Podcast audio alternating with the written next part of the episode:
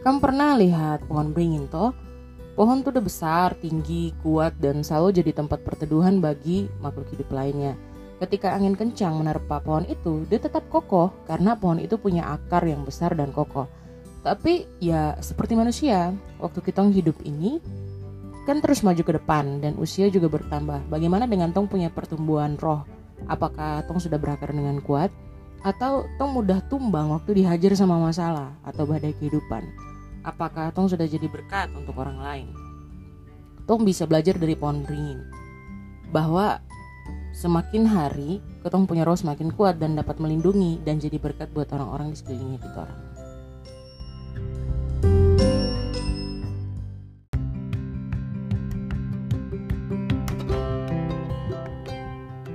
Halo teman-teman, senang banget saya bisa menyapa teman-teman kembali dalam podcast kita bersama cerita seru bareng Jenny Karai.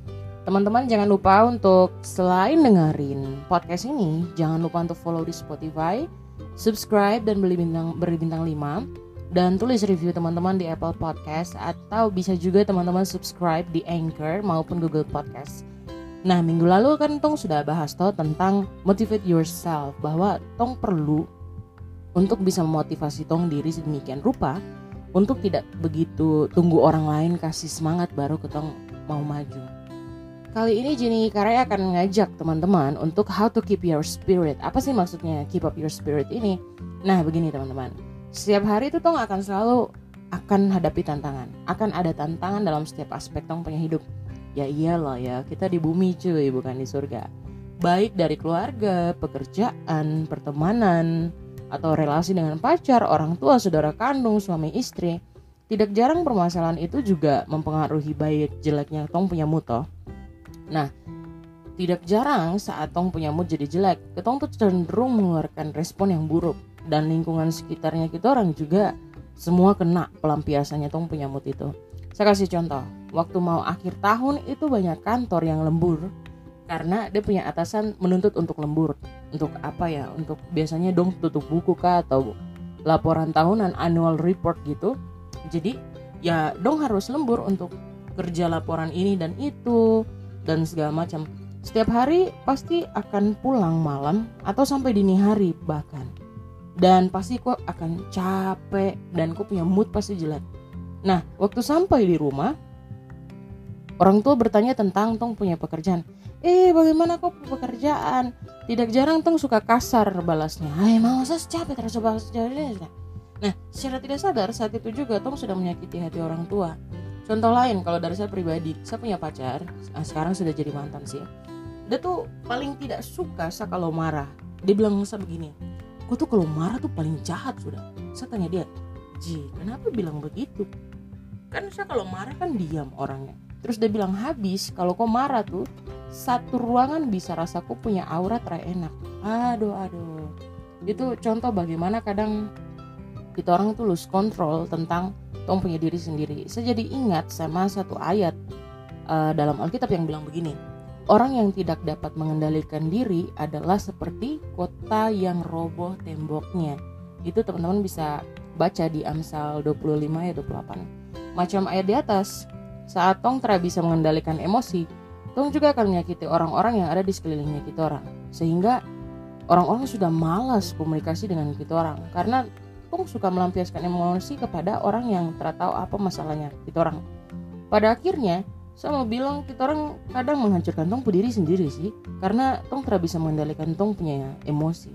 Agak ironis toh. So many distraction in the world is shouting at us every single day. It's easy for us to miss the gentle whisper of Holy Spirit. Iya, kadang tuh banyak distraksi terus. Bahkan kalau saya ibaratkan tuh kayak macam dong tuh hobi teriak ke ketorang setiap hari. Dan sangat mudah sekali untuk ketorang untuk lupa bisikan lembutnya ketong punya hati nurani atau bisikan lembutnya roh kudus. Saya suka, saya suka sekali sama uh, salah satu tokoh di Alkitab yaitu Daniel. Kalau teman-teman mau baca di perjanjian lama kan bayangkan dia dipaksa untuk meninggalkan Israel untuk hidup di Babilonia di kerajaan yang notabene sangat berbeda dari dia punya kepercayaan uh, karena ditulis di situ bahwa memang kerajaan Babilonia ini dong suka menyembah berhala. Di sana dia tetap taat beribadah kepada Tuhan tetap menjaga hatinya tenang dan tidak mudah ikut arus. Saya tekankan lagi, dia terlalu mudah untuk ikut arus. And that's not easy. Kalau Daniel bisa jaga dia punya hati, dia pasti akan ikut menyembah berhala. Walaupun dia setiap hari bekerja dengan orang-orang yang terasa iman dengan dia, Daniel tetap taat kepada Tuhan. Dan dia punya ketaatan itu diuji dari teman-teman bisa baca sendiri dari model celaan sampai tuduhan konspirasi untuk menyingkirkan dia dengan dimasukkan ke gua singa. Walaupun berkali-kali dia dapat bule dengan orang-orang Babilonia, Daniel tuh udah terbenci orang-orang itu. Ini wow sekali. Dan di titik ini saya belajar sekali bahwa condition can change, but our position as a children of God will never change. Saya ulangi. Condition can change, but our position as a children of God will never change apa pun di sekeliling kau bisa berubah tapi posisiku sebagai anak Tuhan itu tidak akan pernah berubah saya mau ajak teman-teman hari ini untuk mari kita bangun batasan dalam tong punya diri tong bangun tembok pertahanan lah kalau dibilang sehingga waktu badai permasalahan datang menghantam tong bisa berdiri tegak dan tidak tergoyahkan semuanya ada dalam tangannya teman-teman mau pilih kah tidak, mau bangun kah tidak, mau mulai perubahan kah tidak tahun ini, atau akhirnya kau jadi orang yang pecinta wacana lagi. Kalau mau buah yang baik ya pastikan tong punya roh juga berakar dengan kuat dengan tong punya pencipta. Sehingga seperti tadi, beringin tadi, batang tanaman itu akan kokoh kuat walaupun angin mau model bagaimanapun. Saya kasih contoh macam pohon beringin Pohon beringin tumbuh besar, tinggi, kuat, dan dia dapat menjadi tempat berteduh bagi makhluk hidup lainnya. Bahkan makhluk yang tidak hidup juga kayaknya dong juga suka sekali di situ. Karena biasanya kan pohon beringin selalu dibilang pohon yang mistik toh. Nah, walaupun angin kencang menerpa pohon beringin, pohon itu dia tetap kokoh. Kalau toh melihat akar pohon beringin, kita orang akan melihat dia akar itu menjulur besar dan kuat sekali. Nah, waktu itu kan waktu tuh kan akan terus maju. Dan tong umurnya akan terus bertambah. Tidak mungkin ada yang cuma umur 25 tahun terus 25 tahun terus ya sweet 17 terus sweet 17 terus kan tidak. Nah bagaimana dengan pertumbuhan rohnya kita? Apakah kita tuh sudah berakar dengan kuat? Atau kita tuh masih tipikal orang yang masih gampang tumbang ketika diterpa masalah. Kena masalah langsung drop dapat bicara langsung drop dapat kasih dibully langsung. Aduh saya trauma lagi di situ. Apakah ketong masih jadi orang yang tipikal kayak gitu? Apakah ketong sudah jadi berkat bagi orang lain? Nah belajarlah dari pohon beringin ini. Dia tumbuh besar kuat dan dia dapat melindungi makhluk hidup lain. Jadi dia bukan cuma untuk dia diri tapi untuk orang lain juga. So apa sih yang perlu tong buat biar tong bisa terus menjaga tong punya spirit? Di sini ada empat poin yang saya tekankan. Yang pertama inner circle. Ini sudah kali ketiga kayaknya saya sudah tekankan tentang inner circle. Inner circle nih berbicara tentang kau punya orang terdekat. Siapa sahabat terdekat yang akan mempengaruhi kau punya cara berpikir? Apakah kau punya sahabat itu tipikal orang yang suka gosip suka menghakimi tanpa jelas orang lain. Sutal toh ada model orang-orang yang hobi sekali bicara orang yang lewat depan orang ih kamu lihat perempuan ini? Pakai baju terlalu begini begini begini apa lihat-lihat? Hmm, kayak begitu. Itu hati-hati. Itu hati-hati. Dan yang terpenting apakah dorang orang yang jujur menegur saat tong salah? Atau ya itu dia. Nggak mau tegur maunya lihat kok gagal bukan sukses. Atau malah dorang memperkenalkan orang kepada gaya hidup yang salah jangan sampai tong punya sahabat seperti sahabatnya Ayub di Alkitab yang menghakimi dan kasih tinggal dia saat dia sedang low banget. Dan untuk poin ini nanti akan Jenny Karai bahas secara terpisah buat minggu depan. Yang kedua, sosial media dan musik. Wah ini ini remeh temeh banget tapi hati-hati. Ini penting sekali loh. Perhatikan siapa yang Tong follow di sosial media. Apakah Tong suka follow akun gosip? Kalau Tong suka follow dorang, tanpa sadar Tong akan suka menghakimi dan suka ikut campur dengan orang lain punya urusan.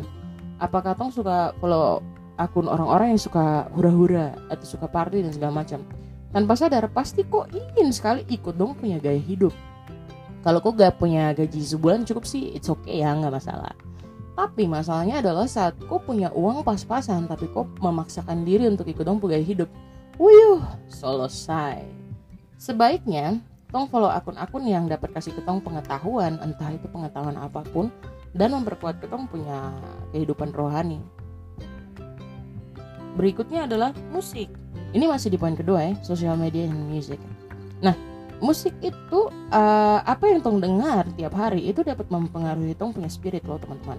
Menurut Criminologist University College Birmingham, lirik musik tuh dapat mempengaruhi perilaku kejahatan seseorang loh.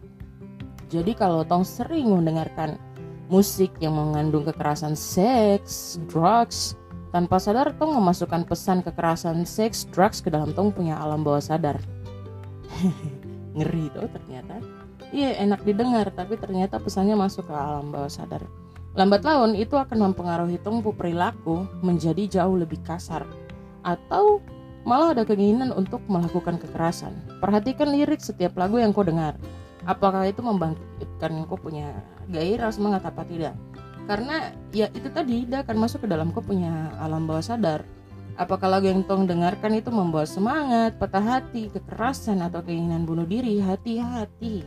Itu kembali ke tangannya teman-teman ingat ya jangan jadi tipikal orang yang berdoa minta Tuhan kasih sukacita tapi lagu sepanjang hari itu udah puisi tuh patah hati semua itu yang biasa tong bilang tuh latihan main latihan lain main lain kayak ini yang ketiga bijaklah dalam membagi waktu 24 jam 24 jam itu sudah banyak loh saya ingat sekali saya uh, saya nonton di YouTube itu tentang uh, pekerja-pekerja di Jakarta yang waktu di interview ditanya 24 jam cukup nggak? Dan bilang, aduh itu kalau itu kalau sehari 72 72 jam boleh deh.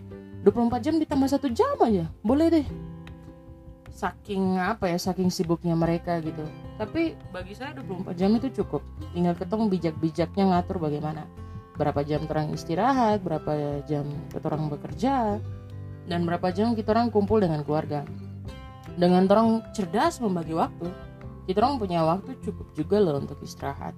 Dan yang terakhir yang keempat itu adalah komunitas. Kan pasti sering toh dengar kalau manusia itu adalah makhluk sosial. Artinya kita orang perlu berkumpul dengan beberapa orang perlu untuk punya komunitas yang positif di sini kita orang perlu berakar bertumbuh dengan baik dalam komunitas itu juga tong bisa mempunyai teman baru, konsultasi tentang tong punya permasalahan, sampai bertanya tentang pengajaran doktrin tentang kotong punya keyakinan. Dengan Tong masuk komunitas yang benar, maka Tong melindungi Tong punya diri sendiri dari pengaruh buruk pergaulan. So, hari ini saya ajak teman-teman untuk kenali sisi lemahnya Torang. Maka ketorang akan tahu mana yang harus diperbaiki dan dijauhi. Jangan kau tahu kau punya sisi lemah terus oh kok jadi sedih dengan sisi lemah itu? No, saya tuh begini sudah dari dulu begini. X ingat ini tahun 2020 come on. Gak usah mindset mindset lama itu ada. Dan dengan begitu kita orang bisa melindungi tong punya diri sendiri. Karena kita tahu toh tong punya kelemahan di mana? Tong mengerjakan bagian kelemahan itu dan itu juga cara ketong untuk melindungi tong punya diri sendiri. Dan yang terpenting itu untuk orang punya masa depan oke okay, itu berbagai tips yang bisa Jenny Karai bagikan untuk episode hari ini. Minggu depan Tung akan kembali bersama-sama dengan tema yang seru yaitu tentang inner circle. Berhubung banyak sekali yang DM ke Jenny Karai dan bertanya banyak tentang inner circle itu apa. Dan sebenarnya barang itu udah macam apa? Apakah sahabat dekat itu sudah jadi inner circle? Dan sampai di sini dulu podcast cerita seru Jenny Karai. Sampai bertemu minggu depan ya teman-teman pendengar setia. Kalau teman-teman punya masukan atau testimoni setelah dengar podcast ini, jangan sungkan-sungkan atau malah hati buat DM di Instagram @jenikarai. Saya akan sangat senang sekali membacanya. Selamat beraktivitas teman-teman. Have a great day.